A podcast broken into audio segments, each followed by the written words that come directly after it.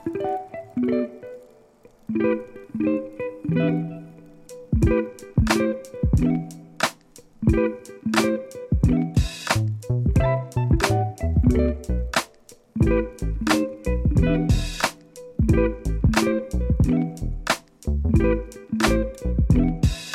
då säger jag välkommen till podden Bilder i Syd och välkommen till fotograf Lars Brundin.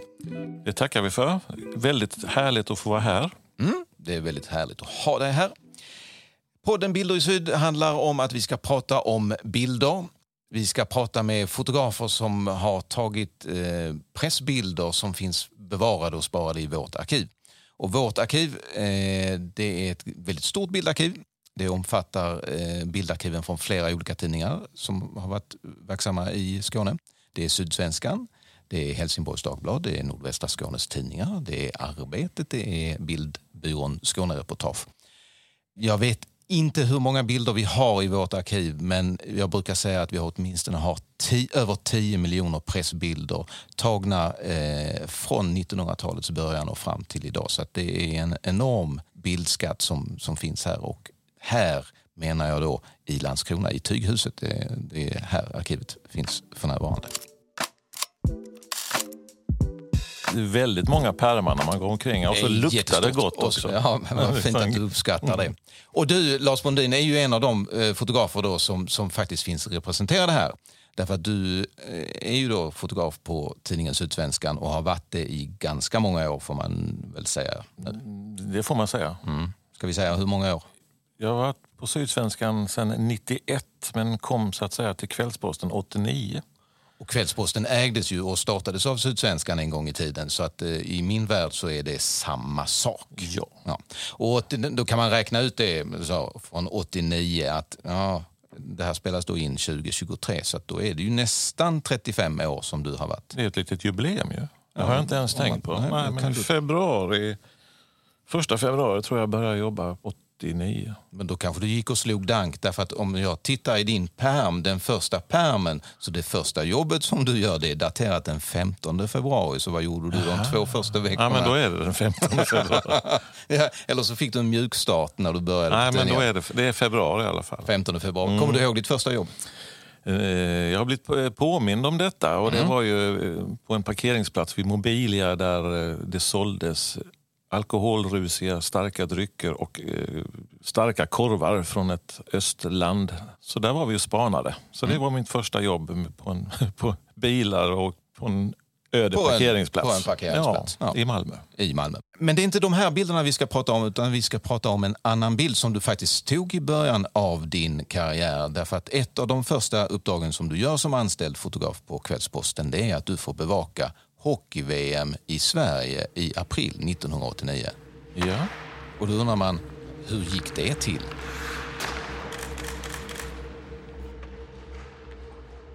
Förmodligen var det så här att jag eh, blev tillfrågad av eh, fotochefen på Kvällsposten och han sa väl att, för det var en han och han hette nog, det var nog Torsten Pamp som sa att du kommer ju från eh, Expressen i Stockholm, jag har jobbat där ett år innan, hela 88. Så du känner till Stockholm, vill du göra hockey-VM i Stockholm? Och då sa jag ja, det vill jag. För Det tycker jag ändå är ganska fantastiskt. För 1989 då är du 23-24 år gammal, du är nyanställd på Kvällsposten. Eh, det finns ganska gott om fotografer och gott om duktiga fotografer både på Kvällsposten och Sydsvenskan. Och att bevaka ett hockey-VM i Sverige, i Stockholm, det borde vara ja, många som anmälde sig eller tyckte att jag är lämpad att göra detta. Men då kommer Lars Brundin och säger det här ska jag göra. Eller? Nej, jag fick frågan. Helt fick fråga. Det var inte så att jag propsade på det. Utan jag fick, vill du göra detta? Så svarade jag nog bara ja. Det är, det är ju ett eh, lite speciellt eh, hockey-VM därför att det då arrangeras i Sverige. Eh, Sverige är regerande världsmästare därför att de vann två år tidigare, 1987 med Pekka Lindmark i målet och sånt där. Och så är det lite speciellt därför att eh, legenden Börje Salming är med i landslaget igen och han gör sin första VM-turnering eh, för Sverige på, på väldigt många år. Han är, tror jag, 37 eh, eller möjligen 38. Han fyller nog 38. Eh, så att han är i slutfasen eh, av sin karriär men han kommer tillbaka efter en enorm eh, karriär i NHL och ska då lyfta Sverige till ännu ett, eh, ett guld. Mm, det var väl förhoppningarna då. Och dessutom så var det ju Globen. Det var det Precis. första eh, arrangemanget i Globen med publik. Så det var ju häftigt som tusan att få komma in i, i den arenan som var enormt häftig där inne. Och den bild som vi då har som utgångspunkt för det här samtalet det är just en bild, inte på Globen, utan på legenden Börje Salming. Eh, och det är en bild på honom i omklädningsrummet i bara kalsongerna. Ja.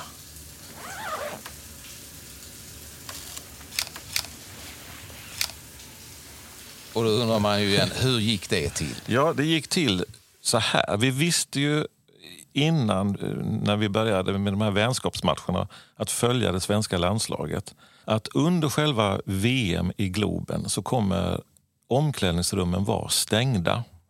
De, ingen press, inga journalister, inga fotografer, ingenting får komma in där. Så därför försökte vi ta den här bilden på Börje Salming veckan innan. Och jag tror denna bilden togs på Börje Salming i Gävle. De mötte nog Tyskland tror jag. Eh, så jag stampar ju in där efter matchen och går fram till Börje och frågar om jag får ta en bild på honom i kalsonger. Medspelarna, de svenska medspelarna som satt runt omkring, de bara tittade lite konstigt på mig. Ja, då flyttar jag mig. Typ så.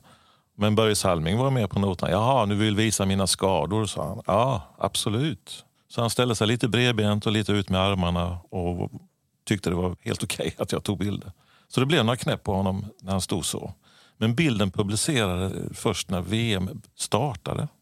Och du kanske har sett hur den publicerades, Joakim? Den, eh, den användes ju då som underlag för en, en nyhetsgrafik. Eh, och det är som du säger att, att eh, det handlade om, om Börje Salmings skador. För, för, eh, trots att han då var oerhört framgångsrik så, så eh, var det ju ett ganska tufft ishockeyliv som han levde. Han hade ju dragit på sig enorma mängder skador eh, och var lappad och lagad på alla möjliga konstiga sätt och vis. Jag har, jag har ett svagt minne av att eh, bilden användes, eh, precis som du säger, och att det var stod antalet stygn.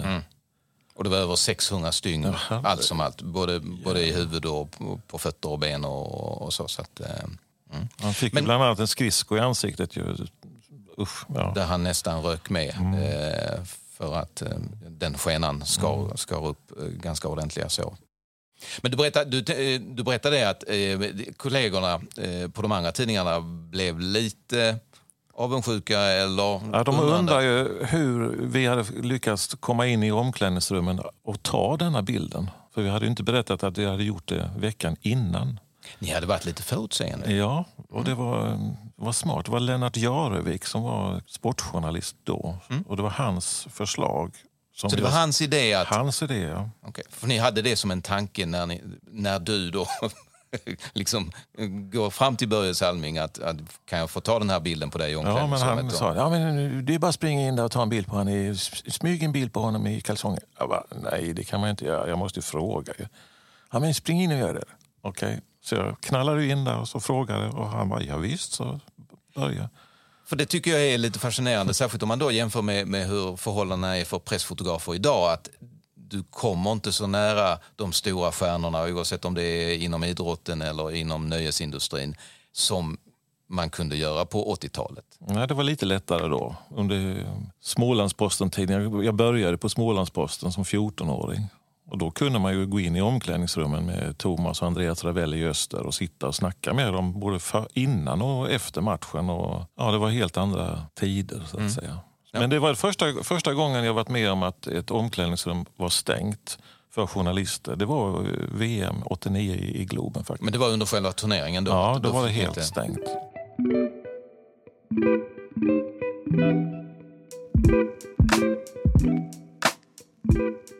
Men jag, jag, jag vill hänga fast lite grann vid detta, för, du- för du, är ju, Absolut. du är ju ändå ung. Du är Ja. 23-24 år och det är ett hockey-VM. Och liksom att ta den platsen bland de andra fotograferna och konkurrera och liksom, för det, ja. Ja, men det var stort ju. Och samtidigt så eh, jämförde man sig ju med eh, Expressen och Aftonbladet. Det var Tommy Pedersen från Expressen, Urban Andersson på Aftonbladet. Och så var det Janne Dysing också. Eh, som gick eh, som en fri, eh, han hade fri form liksom på Expressen och bara gick och tog, han skulle ta, leverera ett mittuppslag om dagen. Så han bevakade inte själva matchen eller stolpe in eller stolpe ut. Och sånt, utan han gick runt med en kamera. Så man jämförde sig med dem hela tiden. Man ville ju prestera bättre än dem varje dag.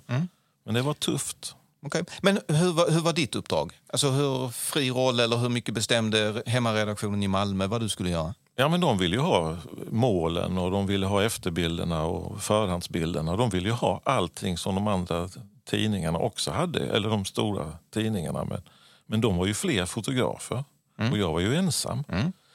Så det var ju inte him så himla lätt att leverera, men jag tyckte jag gjorde det ganska bra ändå. Men man jobbar ju ja, 18 timmar på ett dygn. liksom. Det var så? Ja, det var det. Iväg nio på morgonen och göra presskonferens med det svenska laget eller det amerikanska laget eller det kanadensiska laget. Och sen började ju matcherna på eftermiddagen vid fyra om jag inte minns fel. Och så, och då var Bevakade det, du varenda match? ja, man skulle ju vara där ifall någon skulle bli skadad. Alltså de, inte de här... eh, Polen mot, Nej, mot Ryssland? eller nej men det var ju de Kanada, USA, eh, Ryssland. Sovjet. Ja, Sovjet. Sovjet heter det. Ja, precis. Då fick man ju vara på plats. Men kan du berätta lite grann? För, för det är ju då, idag, tar man, idag så ser du direkt om, om bilden är skarp för du vänder bara på, och ser på displayen om, om det är bra och, och sådär och du kan ta hur mycket som helst. Men det är ju lite speciella villkor 89 när man jobbar med film. Du har inte obegränsat med film, eller?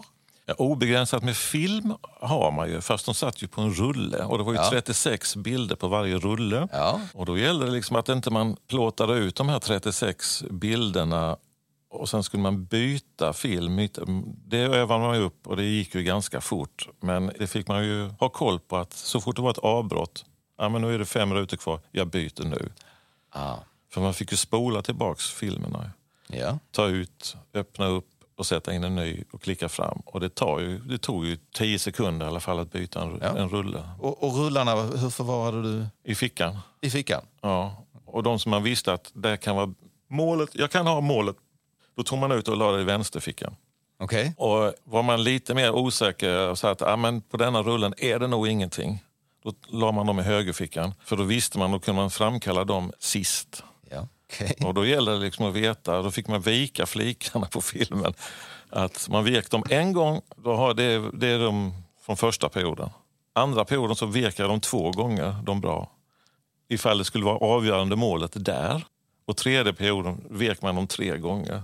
Så att det gäller ju att komma ihåg och så fick man ju snacka liksom. Så sa Jörevik eh, att ja men eh, 2-0 målet, det vill jag ha. Okej, bara, uh, ja just det, det var i andra perioden. Fick man ju framkalla de rullarna först och titta om man hade bilden eller inte, för det visste man ju inte. Du är ju utskickad då från Kvällsposten från Malmö. Du har ju flyttat till Malmö och bor i Malmö. Ja. Men och bevakar då hockey-VM som med de här förberedelserna i Gävle och Södertälje och sånt där. Eh, Det var ju nästan en månad. Hur bor du? Jag bodde Kvällspostens egen... Ja, de hade en lägenhet i alla fall. Om de ägde den eller hyrde den eller så, det, det vet jag ingenting om. Reportern bodde på hotell, har jag för mig. Eller i den finare lägenheten, för vi bodde inte tillsammans i alla fall. Utan den här lägenheten var i Vasastan. Svårt att parkera på natten för jag var tvungen att köra bil. Det krävde de från redaktionsledningen.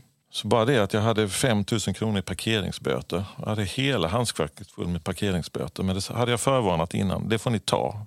För jag visste hur svårt det var. Men i Vasastan så bodde jag. Och sen höll jag på att skrämma ihjäl min, min granne. För grannen var nämligen Orup. Artisten? Artisten Orup. Okej. Som var otroligt stor år 1989.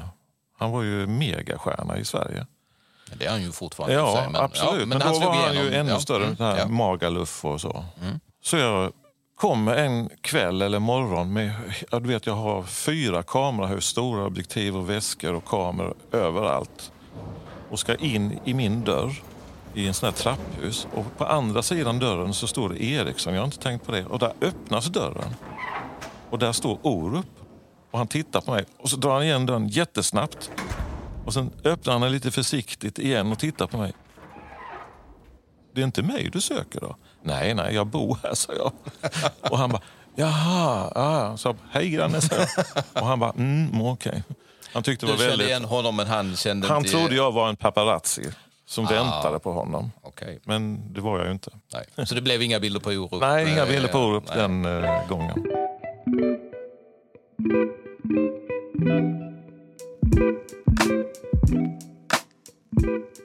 Det hände faktiskt en väldigt...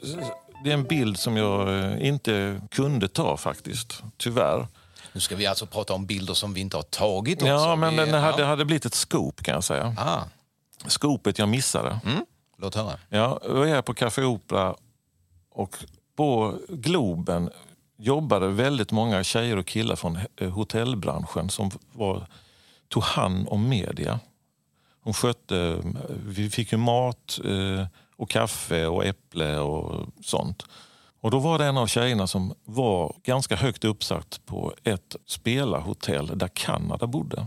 Och Kanada, då fick jag höra detta på kvällen eh, på Café Opera. Att ja, men hela kanadensiska laget satt och hade genomgång i, i hörsalen. Och på whiteboarden, eh, eller blädderblocket var det då, det var inte något whiteboard. Där står det bara Kill Sandström. Och Thomas Sandström var en svensk toppspelare från, som hade kommit från NHL och var forward. Och där stod det bara Kill Sandström. Det var det enda de pratade om. För jag var där inne och serverade vatten och mackor till dem. Och jag bara, finns det blädderblocket kvar? Ja, det tror jag, säger hon. Så vi tar taxi direkt och jag bara, det här är ju skopet liksom. Får jag, får, från Café Opera. ja, men får jag den bilden så är det ju, ingen annan har den. Och då kan vi visa upp att Ja, om Ja, är pucklar- de och det här är, ju- och det här är ju kvällen innan själva matchen. Så jag har för mig att jag ringer och, och pratar, förvarnar att jag kanske kan ha världens grej på gång här. Men när vi väl kom till hotellet och smög oss in där, in, in i de här stängda, deras, de hade hyrt hela den våningen ju, Kanadalaget. Men vi lyckades smita in där med en gömd kamera, in i det här konferensrummet. Men då, och blädderblocket var där, men just alla sidorna var bortrivna. Och det var ju synd, för det hade blivit en fantastisk eh, grej alltså. Det var så, alltså man, och det hade ju inte de andra tidningarna haft. Nej, absolut. var- Du hade varit Mm. ensam om Ja. det. Och sen så får man väl då säga, så här, man ska inte ta det allt för bokstavligt. Det var inte så att eh, kanadensarna verkligen skulle ha ihjäl Thomas Sandström. Utan Det var ju det de helst kändes det som när man såg matchen dagen ja, ja, efter. de, de spelade hårt mot honom. oh, men, de eh, tacklade honom så fort de kom åt. Han hade nog blåmärken dagen Så, det, efter den så matchen. tipset stämde sannolikt Absolut. att eh, det, var, det var det som var deras eh, taktik. Så, kill Sandström. Ja, Kill Sandström. Bilden jag inte kunde ta. Du blev ju nästan lite tv-kändis om jag fattar saken rätt. Ja, det, För det hände någonting under en av matcherna. Ja, det stämmer ju. Eh, det var under matchen eh, Sverige-Tyskland. Eh, och Tyskland hade powerplay, så svenskarna skulle försvara sitt mål. Och då stod jag vid ringside. Det gick ju att göra då i Globen eftersom det inte var plexiglas hela vägen runt. Så jag står där med mitt långa objektiv och siktar mot eh, herr Riddervall i det svenska målet. För jag tänkte att det gäller att fånga upp det här. Vad jag inte märker är att Södergren eh, efter vunnet nedsläpp vinner pucken och larmar ut den längs med plexiglaset. Han ska skjuta iväg Han ska skjuta iväg den. Han, han, han han, han, laddar ett slagskott. Han laddar ett slagskott och jag får den i huvudet Hooken. pucken. Fast jag hade ju kameran och skulle ta en höjda bild. Så jag har ju han, min högerhand vriden uppåt precis mot pannan. Va? Du har kameran framför Jag har kameran eh, ansiktet. precis, ja. Ja. Och jag bara... Han skjuter ju omkull mig ju. Det träffade... eh, Det visar sig sen att det träffar ju handen. Så jag faller ju handlöst bara rätt bakåt ju. Och pucken är utanför ringside så det blir ett spelavbrott. Och jag fattar ju inte vad som hände utan jag hade bara pang. Blir det. nedskjuten Ja. medan du bevakar matchen Ja. för Kvällspostens räkning. Och det här är ju live i. Ja. i tv. Liksom. Ja. Och jag minns att domaren kommer fram och bara “Are you all right?” Och jag bara ja, ja, ja, ja. Jag kände i pannan liksom, här måste ju blåa som in i bänken. Men det gjorde det inte. Så tänkte jag, vad, vad hände? Och sen kommer Håkan Södergren och tittar också över plex, eller vad heter det? Ringside. Ja, Ja, sargen. sargen. Ja. Så Håkan kommer över sargen och så bara tittar han på mig. Ja, en jävla smäll. Det hördes ända jag är ledsen för det. Har du ont? Och jag bara, eh, nej. Så jag studsade upp lite tufft där liksom och ställde mig. Och jag tänkte, det första jag tänkte var, jag är i tv. de, för det är du. De, de ser det här hemma, i, mamma och pappa ser på det här i Växjö. Ja. Och jag bara, nej det är okej. Okay. Och sen blev det nedsläpp igen. Och så stod jag ju kvar. Och så kände jag att, gud vad det dunkade i handen. Det dunkade och dunkade och du vet sådär ont dunk. Ja. Jag tänkte, du vet ju inte jag det, för jag har inte blivit träffad av en ja, puck. Men, men jag kan tänka att det... Åh, vad ont det gjorde liksom. Mm. Och så tittade jag på lillfingret, för det var där det pulserade. Liksom. Mm. Och där satt ju min klackring som jag fått av min far i guld. Man hade sånt då, med ja. sån svart sten på. Och så ja. vände jag på handen. Nej, det såg inget konstigt ut. liksom. Och sen tittade jag lite på sidan och då var ringen ihopplattad lika tjock eller lika tunn som en eh, enkrona. Då hade pucken tagit klackringen och pressas bakåt mot kameran så hade det blivit som att, ja, ett hammarslag. Liksom. Ja, ja. Och då kände jag att det, det sökte mig. Så jag började gunga till där och ja. tänkte, vad ska jag göra nu? För matchen pågår nu? Ja, matchen pågår ju. Och jag bara tänkte, jag kan inte lämna detta. Jag bara, och så försökte jag stå kvar lite, det går nog över. Nej, det gick inte över. Det blev bara värre och värre. Ja. Oh, och så ser jag ju att Eh, så tänkte jag på materialförvaltaren Pudding på andra sidan i svenska Pudding. Pudding. Han heter, han, jag vet inte vad han heter, men han kallas för Pudding. Ja. Jag går dit och frågar om han kan hjälpa mig. Så jag går runt längs med eh, sargen. sargen. Ja. Och matchen pågår och jag, och jag går fram och rycker Pudding och, bara, och han tittar på mig. Ah, va? Kan du hjälpa mig? Så jag är helt knäsvag liksom, och pekar. Liksom. Att det där ser inte så bra ut, säger han. Nej. Så han Vänta, säger han. Och så rotar han sin väska och så tar han fram inte den minsta avbitartången utan det var sån här du vet. Uh. Ja. Och så, jag, jag, jag fixar det här, säger han. Fram med lillfingret här. Och så precis innan han ska klippa av ringen så tittar han på mig. Är du rädd om ringen förresten? Nej, skit i det. Ja, så klippte han. Ja. Och jag bara, så släppte det här pulserandet. Ja. Och så bara men när ringen var borta så ja. följer lill, lillfingret bara så. Bara, det var ju alltså av. Ja. Längst ner mot handen. Ja. Och jag bara höll fram som en liten stackare. Vad ska jag göra nu? Och Pudding bara, ja jag fixar det där. Så jag. jag bara, Jaha. Där stod jag med handen i vädret. Matchen pågick. Pudding rotade i sin väska. Så kom han tillbaka med isoleringstejp och bara lindade två varv. Och linda ihop eh, det närliggande fingret med det trasiga lillfingret. Sådär, nu kan, du köra, nu kan du köra matchen, matchen igenom. Så här. Ja, jag kör på. Och jag bara, tack då. och går tillbaka. Ja, jag går tillbaka. Ja. Och sen tänkte jag att ja, men det, det, det blir bra där. Så jag åkte aldrig till sjukhuset eller någonting. Och sen på kvällen ringer mamma. Vi såg dig i tv, Lars. och jag bara, ja. så det var min tv-debut att få en puck i, i pannan så jag föll omkull. Du gick inte till sjukhuset? Nej, jag gick inte till sjukhus. Utan den tejpen fick, Puddings tejpbit fick sitta i två, tre dagar. Sen ja. plockade jag bort det. Sen, ja, det verkar funka, men det har ju växt upp snett. Precis, för det ser ju inte de som lyssnar på detta. Men du, du håller upp din hand nu och då ser man att ditt, ditt lillfinger är lite snett. Ja, det sticker iväg lite. Och det är en rest eh, av... VM 89. VM 89. Och det var ju tur inte, eller kanske synd att det inte var Berg Salming, men det, det var hade Håkan nästan varit ännu bättre. Ja, men så, ja. Har du pratat med Håkan Södergren om detta efteråt? Nej, det har jag. Jag har inte träffat honom sen dess. det kanske är dags. kanske skjuta tillbaks. Nej, men, det var... men han sköt hårt? Alltså, han sköt ju omkull mig. och om, om den här matchen nu finns på, på SVT Play, nu tror jag inte den gör det, men då skulle man kunna liksom plocka fram den och, och, se. Ja, för jag har inte sett det. Det hade varit fantastiskt roligt att se när de det. tittar över kanten och jag ligger där helt bara, åh, hur gick det? Jag undrar vad kommentatorerna sa. Ja, för det, det, det, har vi inte pratat om tidigare, men, men det här VM är ju speciellt av ytterligare en anledning. Eh, det var ju så att eh, tv-rättigheterna hade köpts av TV3 som var nystartat. Just det. Eh, men det var inte så många i Sverige som kunde titta på TV3 så det var ju ett farligt liv i, både i Kvällsposten och i andra tidningar om, om, om att eh, VM var i fara för svenska folket för man skulle inte kunna titta på det. Men det slutade med att TV3 sände matcherna men gav rätten till eh, Sveriges Television att sända matcherna i efterhand så man började sändningarna en kvart efteråt. Så det fanns två uppsättningar av kommentatorer som, som bevakade matcherna. Och Just så. det, det- så det kanske finns både på TV3 Det var och en på viss, viss fördröjning där. på 15 det. minuter. Ah. Så, så, att, eh, så det var ett farligt liv i spalterna om det där. För, det, det, det, alltså, eh, för då, det, det skulle kunna vara så att, att man hörde hur grannen jublade över något mål. Och, och, och, då visste man att de hade TV3 medan de andra då tittade på SVT och så liksom fick vänta i 15 minuter på att mm, målet eller jublet. Ja, det där har jag, inte så, jag har svagt minne av det när du berättade. Men det hade ju inte du koll på för du Nej. stod i ringside och, och plåtade. Såg ju live.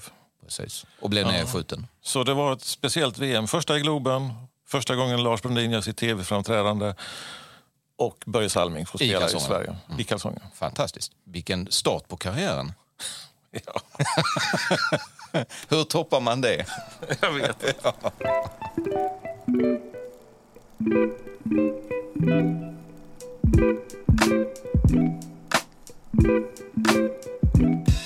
Eh, om man nu vill se bilden på Börje Salming i omklädningsrummet eh, då kan man göra det på vår hemsida som heter bilderiSyd.se.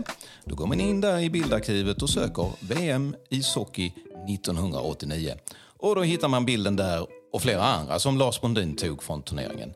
Till exempel på materialförvaltaren Anders Pudding Weiderståhl. Ni vet, mannen som räddade Lars Brundins lillfinger med lite isoleringstejp. Där kan man också beställa kopior för privat bruk av en bild som man gillar. Gör gärna det, därför att det är ett fint sätt att stötta oss i vår verksamhet så att vi kan fortsätta digitalisera bilder från vårt enorma arkiv och fortsätta göra fler poddavsnitt. För det vill vi ju göra. Vi har ju massor med fotografer som vi vill prata med. Och vi som vill det, det är Herbert Tins som har varit ansvarig för inspelningen och de filmade inslag som också kan dyka upp i sociala medier. Det är Peter Berglund som har ansvarat för klippning och ljud och musikillustrationer. Det är Elin Paulsson som har varit teknisk support och jag själv, Joakim Berglund, som har pratat och även gjort en del research. Vi hörs snart igen.